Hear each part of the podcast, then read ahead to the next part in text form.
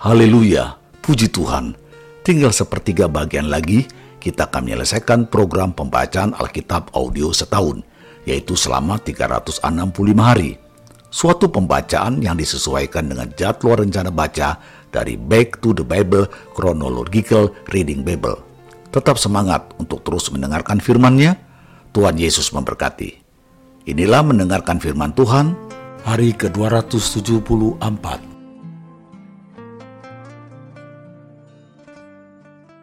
Injil Lukas.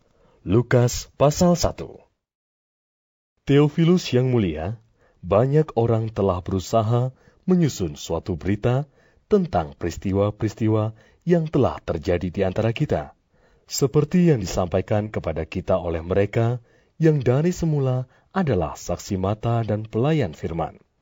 Karena itu, setelah aku menyelidiki segala peristiwa itu dengan seksama dari asal mulanya, Aku mengambil keputusan untuk membukukannya dengan teratur bagimu, supaya engkau dapat mengetahui bahwa segala sesuatu yang diajarkan kepadamu sungguh benar. Pada zaman Herodes, Raja Yudea, adalah seorang imam yang bernama Zakaria dari rombongan Abia. Istrinya juga berasal dari keturunan Harun, namanya Elizabeth. Keduanya adalah benar di hadapan Allah dan hidup menurut segala perintah dan ketetapan Tuhan dengan tidak bercacat. Tetapi mereka tidak mempunyai anak, sebab Elizabeth mandul dan keduanya telah lanjut umurnya. Pada suatu kali, waktu tiba giliran rombongannya, Zakaria melakukan tugas keimaman di hadapan Tuhan. Sebab ketika diundi sebagaimana lazimnya untuk menentukan imam yang bertugas, dialah yang ditunjuk untuk masuk ke dalam bait suci dan membakar ukupan di situ. Sementara itu, seluruh umat berkumpul di luar dan sembahyang. Waktu itu adalah waktu pembakaran ukupan. Maka tampaklah kepada Zakaria, seorang malaikat Tuhan, berdiri di sebelah kanan mesbah pembakaran ukupan. Melihat hal itu, ia terkejut dan menjadi takut. Tetapi malaikat itu berkata kepadanya, Jangan takut, hai Zakaria, sebab doamu telah dikabulkan dan Elizabeth istri akan melahirkan seorang anak laki-laki bagimu. Dan haruslah engkau menamai dia Yohanes. Engkau akan bersuka cita dan bergembira. Bahkan banyak orang akan bersuka cita atas kelahirannya itu. Sebab ia akan besar di hadapan Tuhan dan ia tidak akan minum anggur atau minuman keras, dan ia akan penuh dengan roh kudus, mulai dari rahim ibunya. Ia akan membuat banyak orang Israel berbalik kepada Tuhan Allah mereka. Dan ia akan berjalan mendahului Tuhan dalam roh dan kuasa Elia untuk membuat hati bapa-bapa berbalik kepada anak-anaknya dan hati orang-orang durhaka kepada pikiran orang-orang benar dan dengan demikian menyiapkan bagi Tuhan suatu umat yang layak baginya. Lalu kata Sakaria kepada malaikat itu, Bagaimanakah aku tahu bahwa hal ini akan terjadi, sebab aku sudah tua dan istriku sudah lanjut umurnya. Jawab malaikat itu kepadanya, Akulah Gabriel yang melayani Allah, dan aku telah diutus untuk berbicara dengan engkau dan untuk menyampaikan kabar baik ini kepadamu. Sesungguhnya, engkau akan menjadi bisu dan tidak dapat berkata-kata sampai kepada hari di mana semuanya ini terjadi. Karena engkau tidak percaya akan perkataanku yang akan nyata kebenarannya pada waktunya. Sementara itu, orang banyak menanti-nantikan Sakaria. Mereka menjadi heran bahwa ia begitu lama berada dalam bait suci. Ketika ia keluar, ia tidak dapat berkata-kata kepada mereka, dan mengertilah mereka bahwa ia telah melihat suatu penglihatan di dalam bait suci. Lalu ia memberi isyarat kepada mereka, sebab ia tetap bisu. Ketika selesai jangka waktu tugas jabatannya, ia pulang ke rumah. Beberapa lama kemudian, Elizabeth istrinya mengandung, dan selama lima bulan ia tidak menampakkan diri. Katanya, Inilah suatu perbuatan Tuhan bagiku. Dan sekarang ia berkenan menghapuskan aibku di depan orang. Dalam bulan yang keenam, Allah menyuruh malaikat Gabriel pergi ke sebuah kota di Galilea bernama Nazaret kepada seorang perawan yang bertunangan dengan seorang bernama Yusuf dari keluarga Daud. Nama perawan itu Maria. Ketika malaikat itu masuk ke rumah Maria, ia berkata, Salam, hai engkau yang dikaruniai. Tuhan menyertai engkau. Maria terkejut mendengar perkataan itu, lalu bertanya di dalam hatinya, apakah arti salam itu? Kata malaikat itu kepadanya, Jangan takut, hai Maria, sebab engkau beroleh kasih karunia di hadapan Allah. Sesungguhnya engkau akan mengandung dan akan melahirkan seorang anak laki-laki, dan hendaklah engkau menamai dia Yesus. Ia akan menjadi besar dan akan disebut anak Allah yang maha tinggi. Dan Tuhan Allah akan mengaruniakan kepadanya tahta Daud, bapa leluhurnya. Dan ia akan menjadi raja atas kaum keturunan Yakub sampai selama-lamanya dan kerajaannya tidak akan berkesudahan. Kata Maria kepada malaikat itu, Bagaimana hal itu mungkin terjadi? Karena aku belum bersuami. Jawab malaikat itu kepadanya, Roh Kudus akan turun atasmu, dan kuasa Allah yang maha tinggi akan menaungi engkau. Sebab itu, anak yang akan kau lahirkan itu akan disebut kudus anak Allah. Dan sesungguhnya, Elisabeth, sanakmu itu, ia pun sedang mengandung seorang anak laki-laki pada hari tuanya. Dan inilah bulan yang keenam bagi dia, yang disebut mandul itu. Sebab bagi Allah tidak ada yang mustahil. kata Maria, Sesungguhnya aku ini adalah hamba Tuhan. Jadilah padaku menurut perkataanmu itu. lalu malaikat itu meninggalkan dia. Beberapa waktu kemudian, berangkatlah Maria dan langsung berjalan ke pegunungan menuju sebuah kota di Yehuda. Di situ, ia masuk ke rumah Zakaria dan memberi salam kepada Elizabeth. Dan ketika Elizabeth mendengar salam Maria, melonjaklah anak yang di dalam rahimnya, dan Elizabeth pun penuh dengan roh kudus. Lalu berseru dengan suara nyaring. Diberkatilah engkau di antara semua perempuan, dan diberkatilah buah rahimu. Siapakah aku ini, sampai ibu Tuhanku datang mengunjungi aku? Sebab sesungguhnya, ketika salammu sampai kepada telingaku, anak yang di dalam rahimku melonjak kegirangan. Dan berbahagialah ia yang telah percaya, sebab apa yang dikatakan kepadanya dari Tuhan akan terlaksana. Lalu kata Maria, Jiwaku memuliakan Tuhan, dan hatiku bergembira karena Allah Juru Selamatku. Sebab ia telah memperhatikan kerendahan hambanya.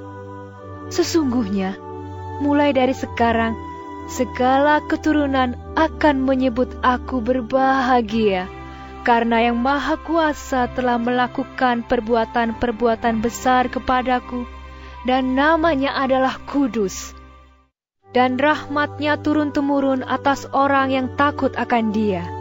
Ia memperlihatkan kuasanya dengan perbuatan tangannya dan mencerai beraikan orang-orang yang congkak hatinya.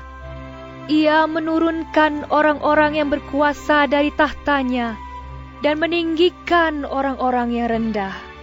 Ia melimpahkan segala yang baik kepada orang yang lapar dan menyuruh orang yang kaya pergi dengan tangan hampa. Ia menolong Israel, hambanya, karena ia mengingat rahmatnya seperti yang dijanjikannya kepada nenek moyang kita, kepada Abraham, dan keturunannya untuk selama-lamanya.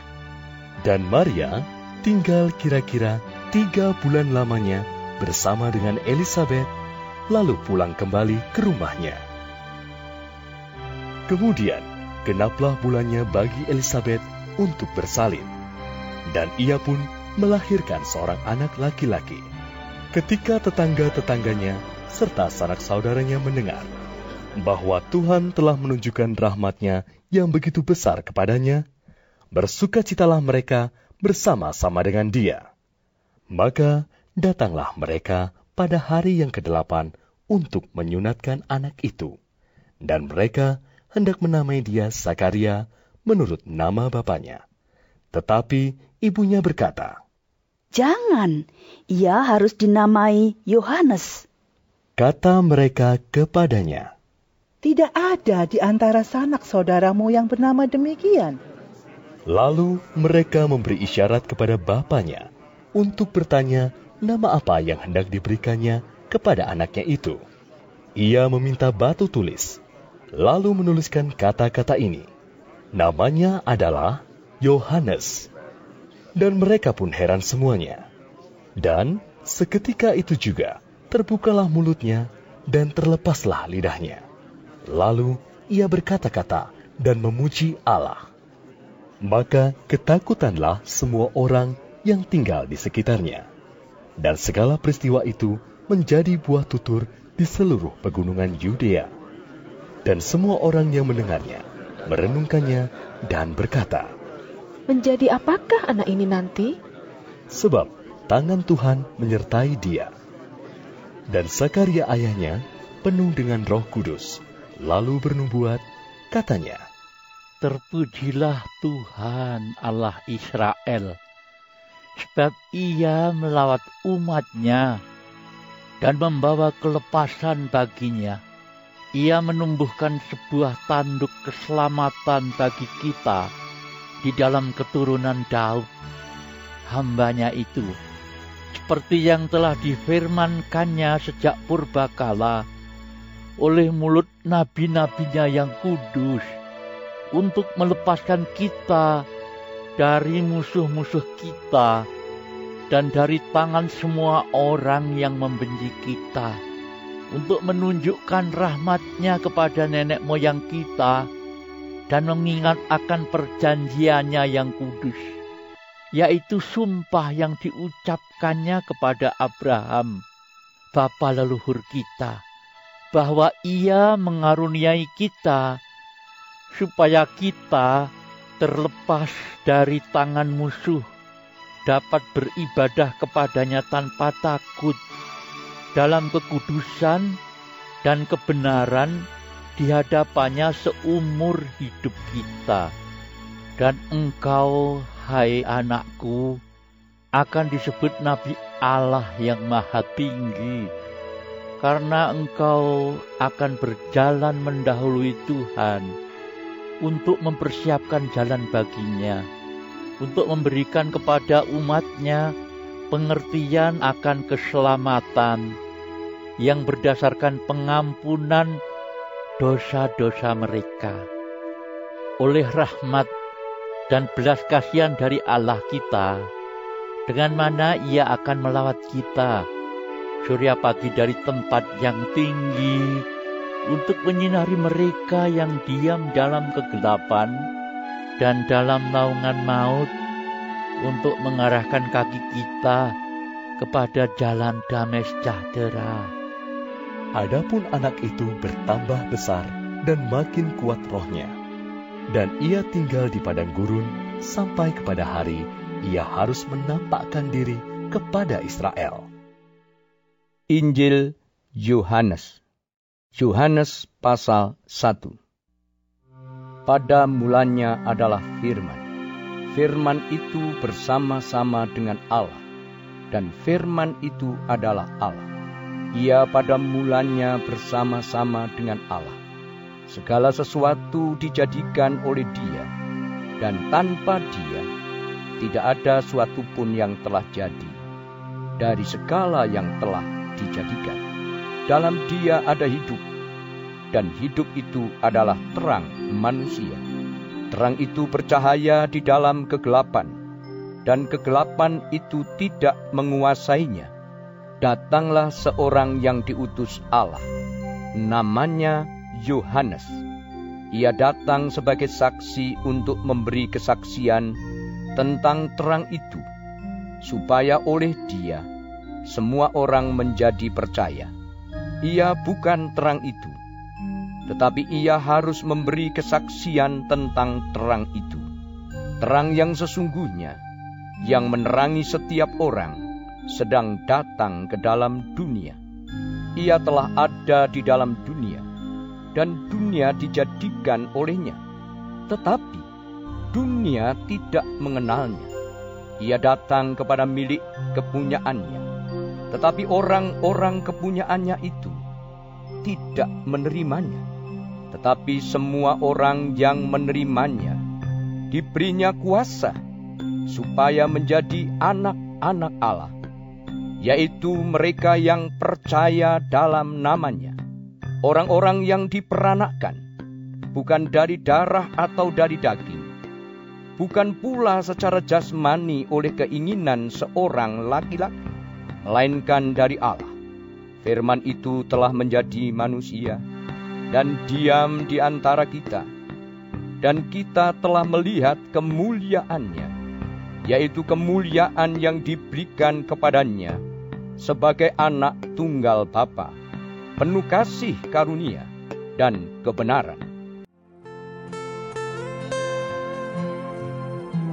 Tetap semangat, teruskanlah mendengarkan firman Tuhan. Sampai jumpa esok.